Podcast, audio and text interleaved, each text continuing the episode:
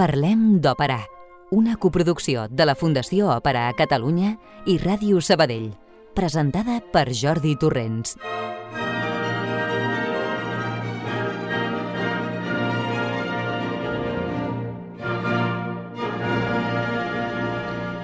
Bon vespre a tothom. Bé, un cop passat el rebuf del programa especial número 500, parlem de Per a Ràdio Sabadell reprèn el seu pas habitual amb els programes normals d'una hora. I el d'avui està enclavat al vell mig de la fantàstica Setmana dels Ponts a començament de desembre. Quan treballava era la setmana més desitjada i disputada amb els col·legues per fer vacances. I la d'enguany és la perfecta d'on són festius el dimarts i avui el dijous. De manera que en tres dies només de vacances fas tota la setmana sencera. Però afortunadament jo ja no tinc aquestes necessitats. Ara, si de cas, la necessitat és econòmica, per tal de decidir si marxar o no. Jo aquest any m'he quedat i aquí estic amb tots vosaltres. Rocío García, el control de so, qui us parla, Jordi Torrents, us donem una cordial benvinguda.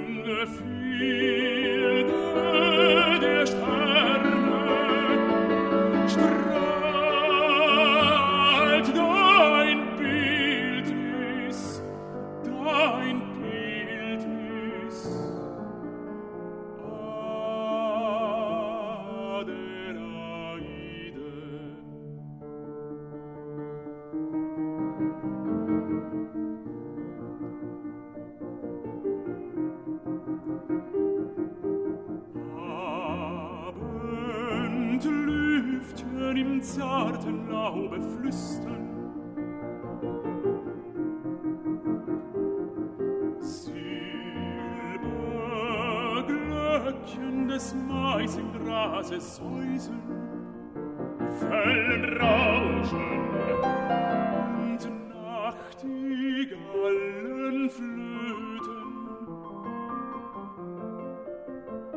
Fällen rauschen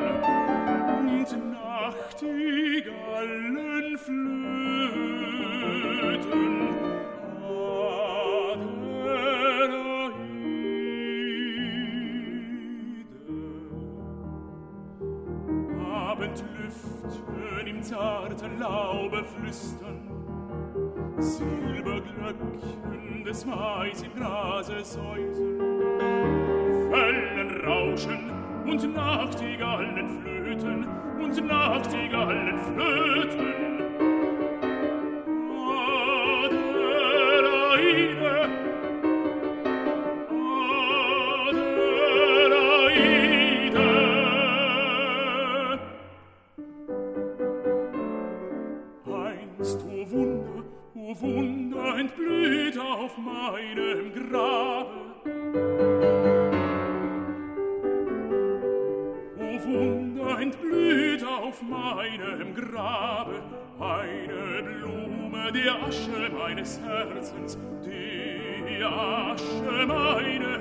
herzens deutlich schimmert, deutlich schimmert, auf jedem Purpurblättchen, auf jedem Purpurblättchen. Adelaide, Adelaide,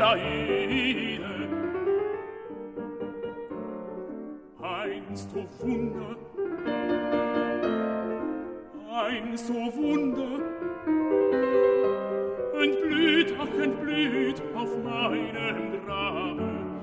Eine Blume der Asche meines Herzens, der Asche meines Herzens. Deutlich schimmert, deutlich schimmert auf jedem Purpurblättchen, auf jedem Purpurblättchen.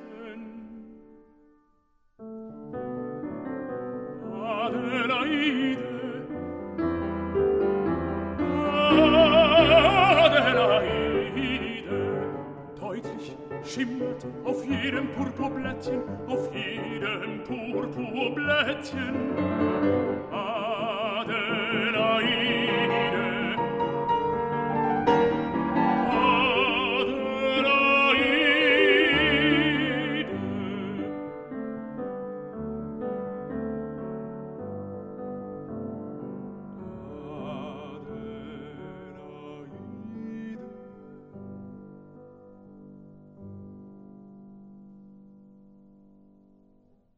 La d'avui ha estat una d'aquelles rares ocasions en què el nostre programa no ha començat pas amb òpera, sinó amb un lit, una cançó alemanya.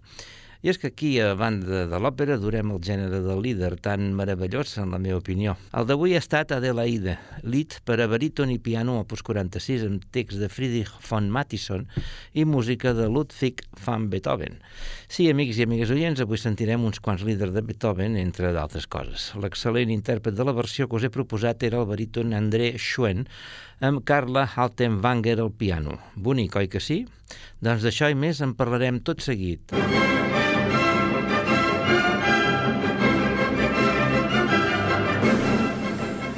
Ja no sé si donar-li la benvinguda o preguntar-li si està ben instal·lat aquí com a casa, perquè, nois, sempre és aquí. El primer ésser humà que ha aconseguit el do de l'ubiquitat. Ben trobat de nou, dibuix flamaricius. Moltíssimes gràcies. Home, jo no diria tant, sí. però bueno, ja saps que m'agrada molt venir a fer aquestes, uh, aquests programes. Fer-la petar una estona, ah, exacte. Avui, tres CDs, una de, un de baríton i dues sopranos. Lit i òpera. Tot això i més a l'O Flamaric 41.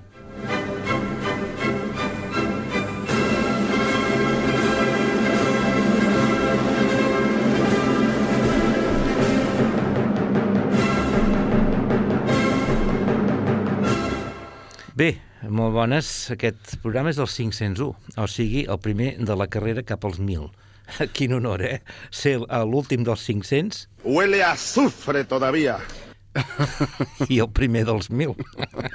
Vols saber una coincidència, també? Quina, quina? Que aquesta mateixa setmana s'han publicat el text 501 i 502 de Meus al diari de Sabadell, que vaig començar l'estiu del 2010. I dic, Host, bueno, bé, mira, sí. més o menys a, a l'unísono, jo vaig començar la tardor del 2010. Aquí. Molt bé, molt bé, escolta, què et sembla, eh? Espero per això arribar jo abans als 1.000 ah, sí? al diari. Home, sí. Ah, bueno. Por la, com diuen, por la cuenta que me trae. Sí, por la glòria de mi madre. Bé, doncs ara, abans d'entrar en matèria, com sempre, sentirem un altre lit de Beethoven, que interpreta André Schuen. Aquest cop acompanyat per un trio de piano, violí i violoncel, que és el trio Boulanger i serà una de les 25 cançons escoceses opus 108, que és la número 16, Could This Ill Wall Have Been Contrived? No sé si ho he pronunciat gairebé aquesta última paraula, amb text del poeta escocès James Hawke. És un CD editat per la discogràfica Cavi, que no conec eh, en absolut. Endavant. Endavant.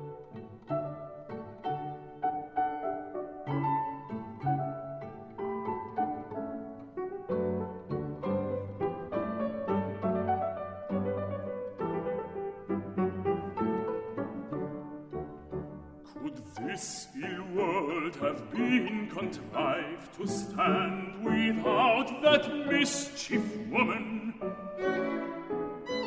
How peaceful bodies would have lived Freya the ills common. But since it is the woeful case that man must have this teasing crony, Why such a sweet bewitching face? Oh, had they not been made so bonny?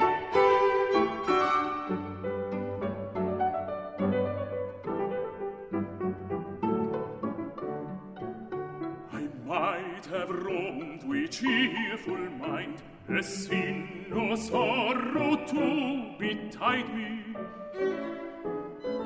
As careless as the wandering wind, as happy as the lamb beside me.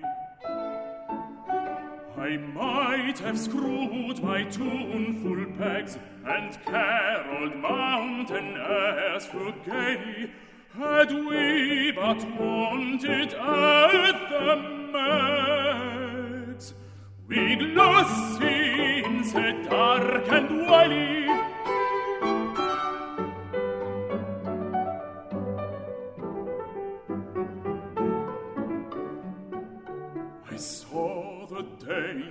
feared the dart, the spine, the air, and us a taking. Yet open laid my wearless heart, and got the wound that keeps me waking. My harp waves on the willow green of wild which notes it has neoni, since I saw that poky queen. So sweet, so wicked, and so bonny,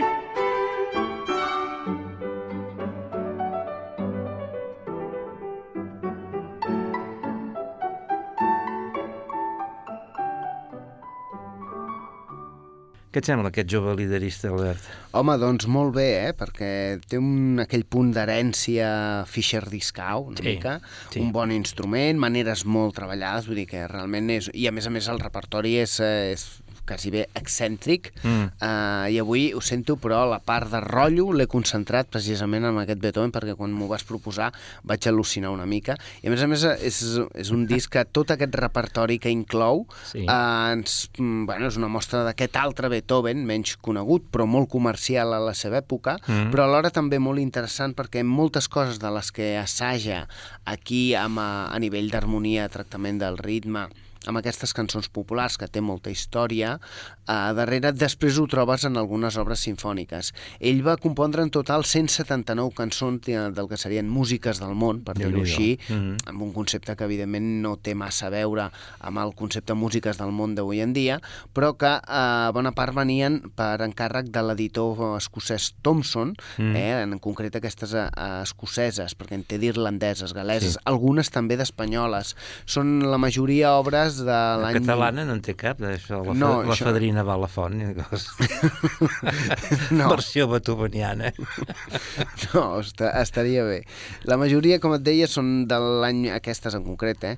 escoceses del 1815-1817, però ja el, des de l'any 1810 eh, rebia algun d'aquests encàrrecs. De fet, es coneixia amb el Thomson des de l'any 1803 i van tenir relació fins al 1820 amb aquells estira i arronses eh, habituals en Beethoven, amb els temes de drets d'edició, per exemple, d'aquestes cançons es va reservar a l'edició en, a, en alemany per publicar a Viena i en Berlín es va reservar els drets. Beethoven era un crac a l'hora de negociar aquestes coses i treure tajada. Sí, era sort, però... Sí, sí, però la no- pela és la pela. la pela El ducat era era, el ducat era el ducat.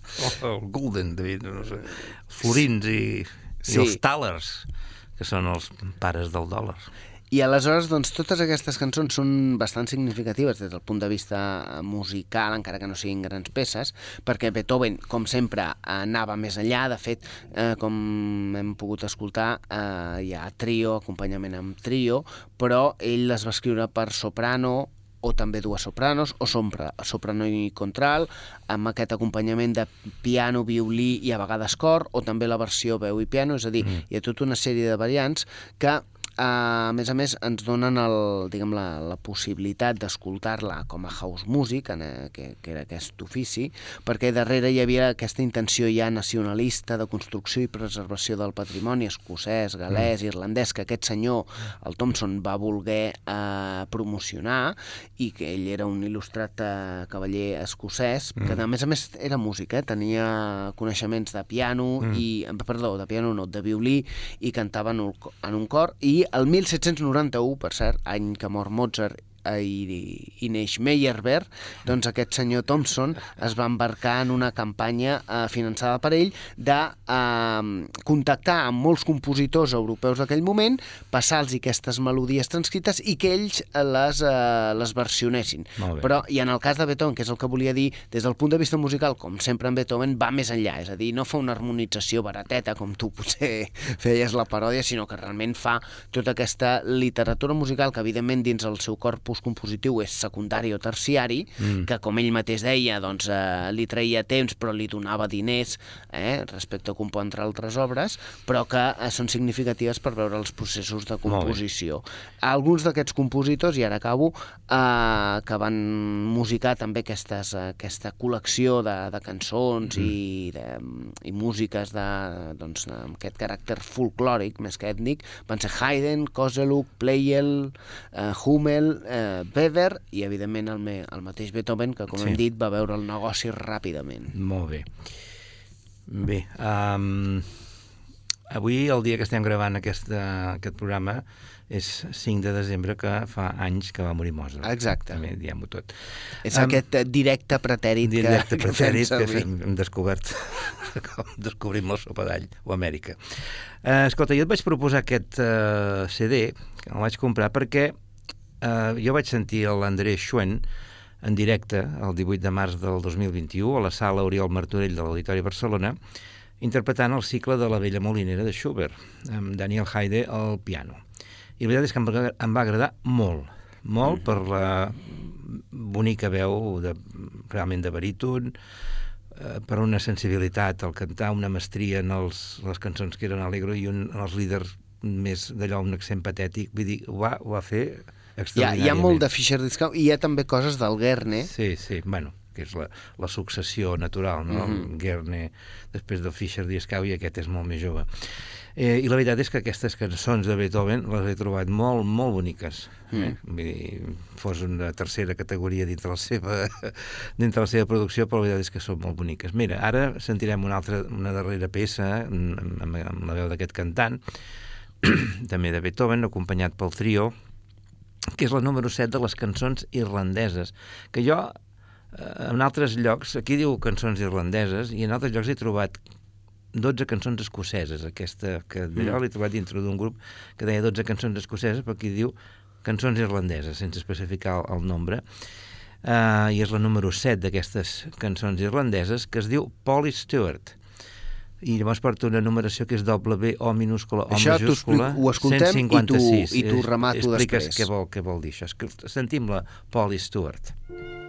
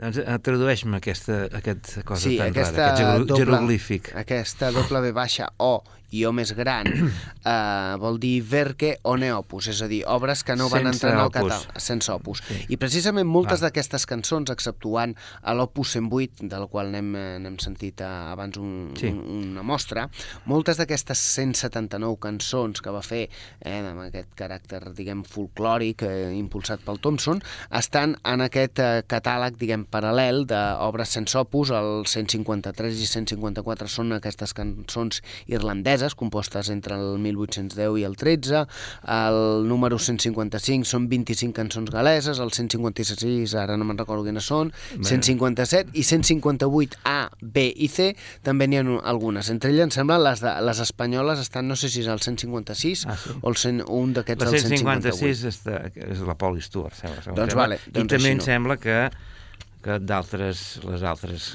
que estan aquí com a cançons irlandeses, Mm. també em sembla que porten el 156 aquest. Eh... Pensa també No, que de les, de tot, de, les, de les 43 peces inicials que havia de treballar Beethoven, en va acabar fent 155, de les quals el Thompson en, en va editar 125. Vull dir que, mm, tot plegat, són a més aquells anys una mica d'ostracisme que coincideixen amb els, després de la setena i la vuitena sinfonies, el trio arxiduc, coincideixen amb el període del Congrés de Viena, quan ell fa eh, unes peces bastant de circumstàncies, però que també li generen molts drets eh, econòmics i és abans de l'últim període de, amb la missa solemnis, els Molts- últims quartets, novenes, etc etc. Molts calarons, molts calarons. Sí, és que sempre es diu que Beethoven va patir crisi econòmica, uh, no tant, eh? Va invertir en accions, això està molt documentat, invertien en accions... Uh, Segons quines... eh, Sí, sí, llepes, no. Però, bueno, de- deu ser allò que deien, eh, va circular una teoria que una iaia del Beethoven era catalana. Ah, sí, això també. També Uh, no. Bueno, trobes qui et diu que sí, qui et diu que no, que era una, una catalana de Mataró que s'havia exiliat per Sí, la de- guerra de de, Vilassar, la... Del? De Vilassar, em sembla que van dir. O de Mataró, no em Sí. recordo. Bueno, és igual, del Maresme que s'havia exiliat Potser durant sí que la guerra el- contra Felip V. Tenia el cap gros. Altres diuen que això, que ni en broma. Que ni en Però broma. bueno, com que Beethoven era així, més aviat morenet de pell, sí. dir, de raçar, di- ària res, encara que Hitler es va esforçar en que ho fos, Mm. Bueno. uh, en fi, bueno, algun gitano devia haver-hi. bueno, una mica gitano també era Beethoven. Ja ho veig. bueno, ràpidament donarem una pinzellada biogràfica de l'André Schuen. André amb accent obert, eh? no amb accent tancat. Aquest senyor va néixer l'any 1984, per tant no té ni 40 anys. De la teva, 84. De la teva quinta, no?, més o menys. Sí, Malgrat que el seu nom pugui fer pensar una altra cosa, realment és italià. És italià perquè va néixer en un poble que es diu Laval, eh, que està a la regió del Tirol del Sud, a la província de Bolzano. Això ja hi ha molt tocant a Àustria. De manera que l'home no és, no és que sigui bilingüe, sinó que en italià i alemany, que també, sinó que és trilingüe, perquè a la, seva, a la zona d'on és originari es parla un tercer idioma que se'n diu el ladino. Ladino, que és una llengua... gran mo- pel·lícula de Disney. Oh! Oh! Exacte. Expropiase! Expropi, sí, dalt d'una alfombra voladora, no? Una, que és una llengua molt minoritària que més parlen unes 40.000 persones, però que és oficial a les províncies de Trento i Bolzano. Uh, Schuen va estudiar a la Mozarteum de Salzburg, uh, rebent nombrosos premis. Canta tant òpera com líder, de fet, fou membre uh, de l'Òpera de Graz del 2014, al 2010 al 2014. Aquí ha estat un habitual de la Schubertiada i ha cantat també les noces de Figaro en el Teatre Real de Madrid. Alguna cosa a afegir? No, que aquesta llengua en ladino que no coneixia, Mm. segur que està més ben eh, protegida des de les autoritats eh, polítiques que no passa el català aquí, segons com. Vols dir? No ho sé. Bueno. Uh, és oficial, això sí, oficial, però parlen 40.000 persones només. bueno, Ara canviarem de tema. Parlem d'òpera. A Ràdio Sabadell. Canviem eh, de registre i de repertori i de sexe també. Tot comentant el CD Spirito, que és de la soprano letona, nascuda a Riga el setembre de 1980, tot avui jovent, Marina Rebecca, és, que és una de les que destaquen avui en dia. Recentment, just a finals de la temporada passada, jo la vaig poder veure a la Norma, en el Liceu, Després en parlarem, després de sentir-la eh, en parlarem, explicaré més detall el que em va semblar aquesta senyora quan la vaig sentir. De moment la sentirem seguidament amb el Pirata de Bellini, l'àrea final, Col sorriso d'Innocenza o Sole ti vela di tenebre oscure, aquella gran famosa escena que van cantar tan estupendament tant la Cales com la Cavaller, del personatge d'Imogene, amb el cor i l'orquestra del Teatre Massimo de Palermo sota la batuta de Jader Binyamin, Vinyamini.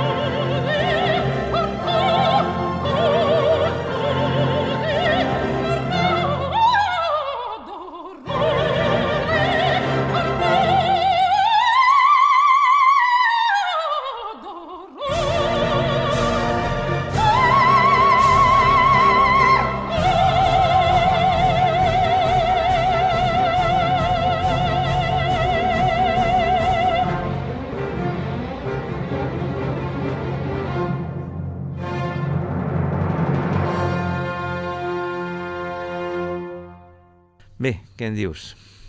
Bé, doncs, eh, home, que la Marina Rebeca és una d'aquestes veus que estan al Candeler, com diuen, eh, Sí. que darrerament, els, eh, els darrers anys, ja han registrat dos CDs, un Voyage, amb cançons eh, i lit francès, Mhm. i un altre que es deia El, amb àries d'òpera francesa, Mhm.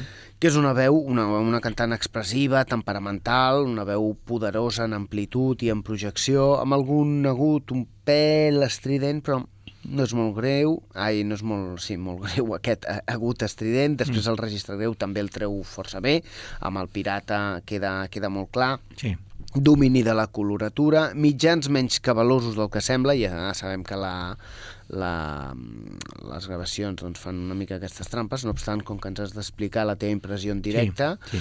ja ho matisaràs. Dicció acurada, greus consolidats, com he dit, línia exquisida i matisada, també teatralitat, domini de recursos eh, del cant, eh, com la messa di boccia, pianaments, volate, mitges veus, és a dir, si la gent a casa escolta, ja sigui amb Spotify, tot aquest CD, trobarà aquests recursos realment mm. molt ben fets, i una soprano eh, belcantista eh, idònia, que estaria Sí. bé que pogués gravar alguns títols dels quals hi ha poques referències o Correcte. encara... No sé si a, a Òpera Rara la podríem fitxar. No sé, no ho sé. Bé, de fet, aquest uh, CD, Espírito, està dedicat íntegrament al bel canto, i canta Norma, canta el Pirata, Maria Estuarda, Ana Bolena i la Vestale, o sigui, Bellini, Donizetti i Spontini, per, per, per, que aquest és repertori francès. Bé, et diré la meva experiència personal, que em va semblar una molt bona cantant, de fet, molt bona tècnica, veu bonica i, i en general que cal tenir, fins i tot per cantar un rol tan difícil com és Norma, eh, el qual no vol dir que em faci oblidar les grans intèrprets del paper, però el que hi ha avui en dia està més que bé. Eh? Mm -hmm. El que sí que vaig trobar una pega en el, en el que jo vaig veure en el Liceu, que va ser la seva fredor. Uh, va cantar tota l'estona com si la cosa no anés amb ella, sense entrar en el personatge absolutament distanciadíssima, però jo crec que va ser a causa una mica de la infama producció, perquè no la puc qualificar d'altra manera, del que li va tocar, que és de l'Àlex Uller aquest, aquest que està hasta la sopa, ens el trobem, que la norma era una mena de bisbessa o papessa, d'una mena de secta, i quan estava a casa, que saps tu, aquella, la, la la cabana de la norma, allà al mig del bosc, amb pells i això, de l'època dels druides, a casa era una pija, amb pantalons de pitillo, allà tot de disseny, un apartament de disseny insuportable, vaja, i, i o sigui, ella, ja em dic, va cantar, va cantar... Bueno, va cantar com una pija. Sí, va cantar el que havia de cantar, ben cantat, però mm, com si estigués eh, fent una altra cosa. Aquesta és la, la meva impressió. Però, vaja, si escoltem el, el CD, aquesta fredor jo no, no al contrari, vull dir, crec que Bueno. hi ha una implicació i un, una vis teatral... és que és en, els, en el teatre on haver-hi la Bueno. implicació, eh? més que en els CDs. Quan la tornis a veure ho, ho A veure. contrastaràs. Sí. Que, per cert, deixa'm dir una, una cosa, vull dir, Mm. està molt bé i t'ho agraeixo. Uh, jovent, que has dit jovent, amb un del 84, aquesta del 80, i jo que estic per allà al mig, però vaja, ja no som tan, tan jovent, eh? El jovent són Bueno. els de 20... Sí, però aquests encara... 20 i 30. Encara, encara comença. Encara, bueno, sí, ja n'hi ha algun que comença a despuntar, mm. però bueno, ja en parlarem el dia que treguin un disc, en parlarem del Xavier Antoaga, per exemple, Mm. tots aquests, però de moment encara no han fet res. A veure, el CD aquest eh, en qüestió està eh, editat per una discogràfica que es diu Prima Clàssic, que és un segell propietat d'ella mateixa. Sí, és i on ha editat els altres sí, CDs i del també. seu marit argentí, que és el segon. Hem de dir que la carrera de la Rebeca, eh, que té uns orígens... Ella és nascuda a Letònia, però de pare bielorrus, de mare letona, nascuda a Sibèria, perquè el seu avi va ser deportat a Stalin, bueno, tota aquella mandanga que hi havia a la Unió Soviètica d'aquella època. Uh, la seva carrera és important. Ha cantat a Salzburg, al Met, a l'Òpera de Viena, a l'Escala, al Covent Garden, a la Deutsche Oper, a l'Òpera de Roma, al Carnegie Hall, en el Real, al Festival de Pésaro, a Chicago, a Zurich, a la Bayerische Staatsoper, etc. I tots els grans teatres del món. Uh, no està gens malament per algú que va debutar l'any 2007, vull dir que tampoc fa tants anys que va debutar, no? Uns 15. Sí, sí. No, no, una d'aquestes figures eh, que està ja, en, si no consolidada en l'en- Sí. l'Star System, poc Jo- li falta. La veritat és que sí, perquè bueno, quan van cantar la Norma, una la cantava la Ioncheva, l'altra la, la d'allò, Marta Mateu, Ah, i aquesta. I, Sí, exacte. I jo és l'única que no coneixíem, és la que em va tocar per abonament i tenia ganes de, de sentir-la, ja et dic, i la meva conclusió va ser aquesta. Uh, Sentim-la un cop més, doncs, amb Anna Bolena, el Dolce Guidami.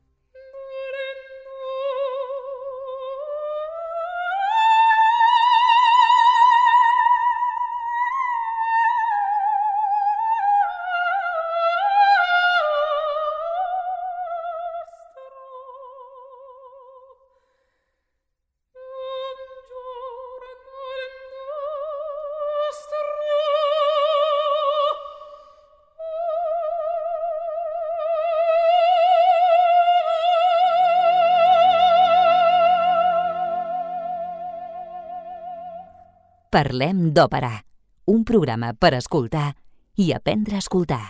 I acabarem la tercera part amb un CD editat per Palazzetto Brusane, La, cosa, la qual cosa ja ens indica que és repertori francès, perquè és el que editen aquesta gent, res més.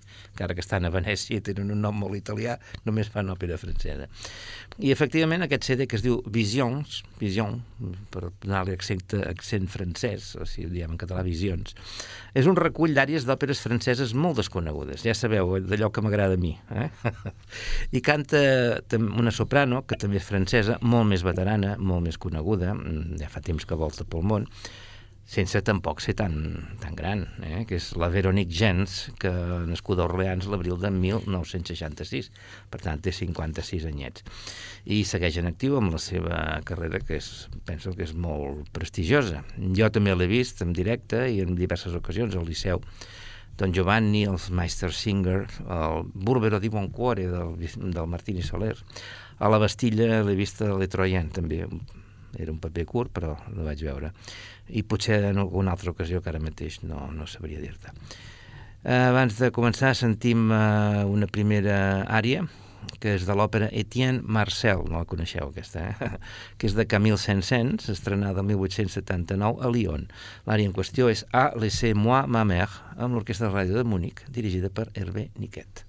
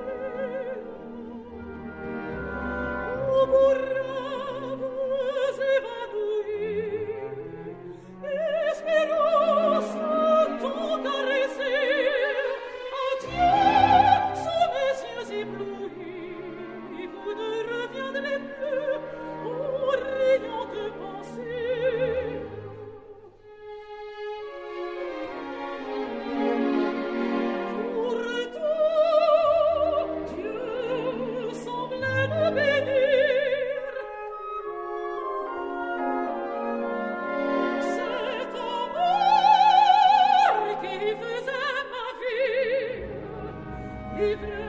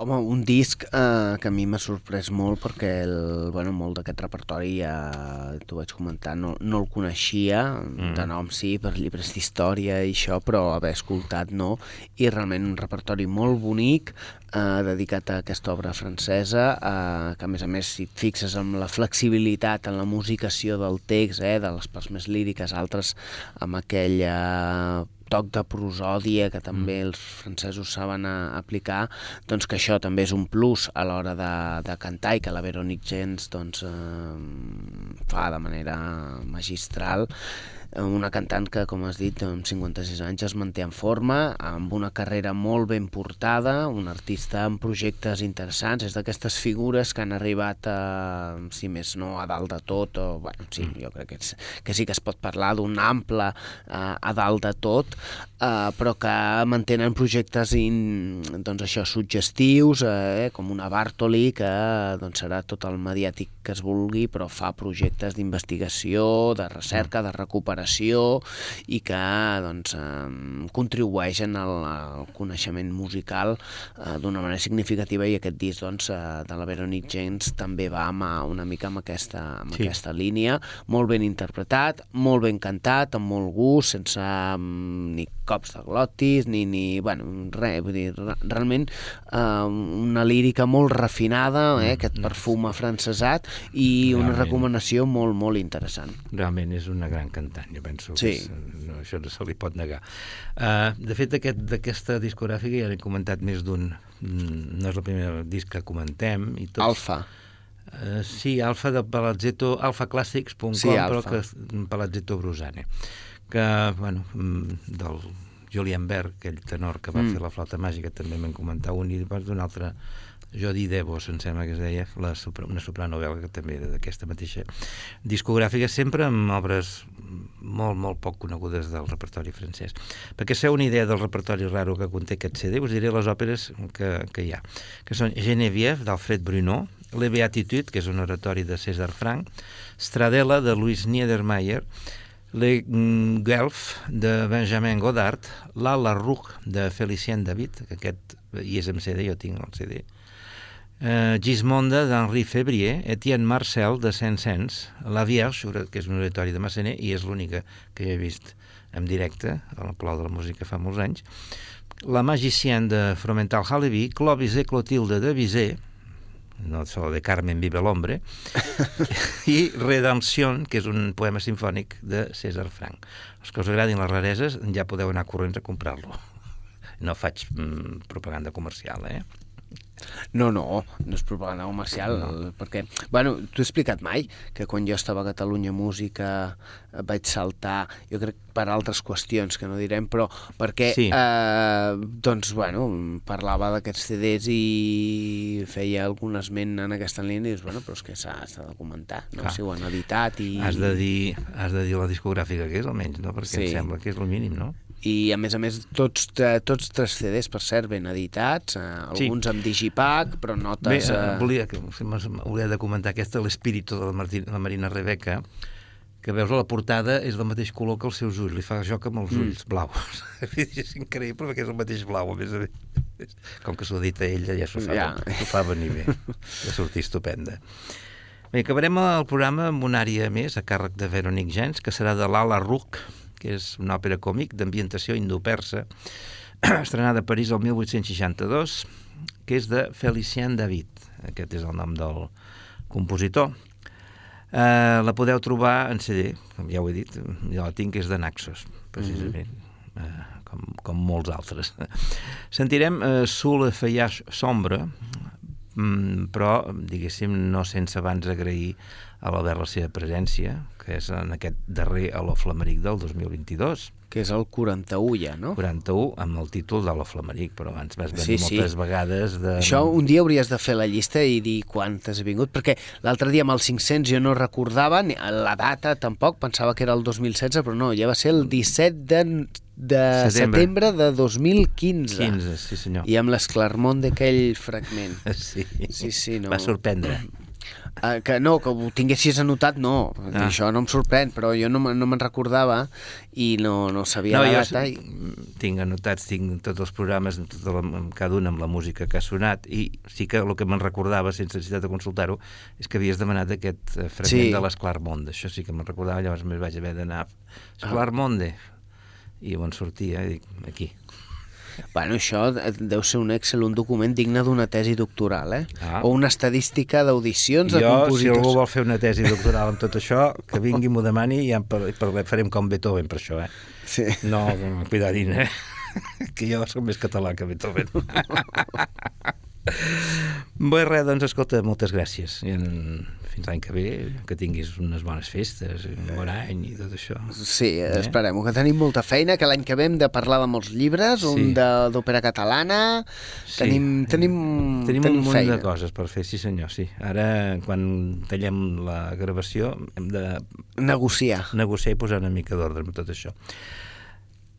Uh, a tots vosaltres, doncs, també uh, us dic uh, adeu per avui, però ens tornem a trobar abans no acabi l'any, eh? la setmana vinent, sense anar més lluny.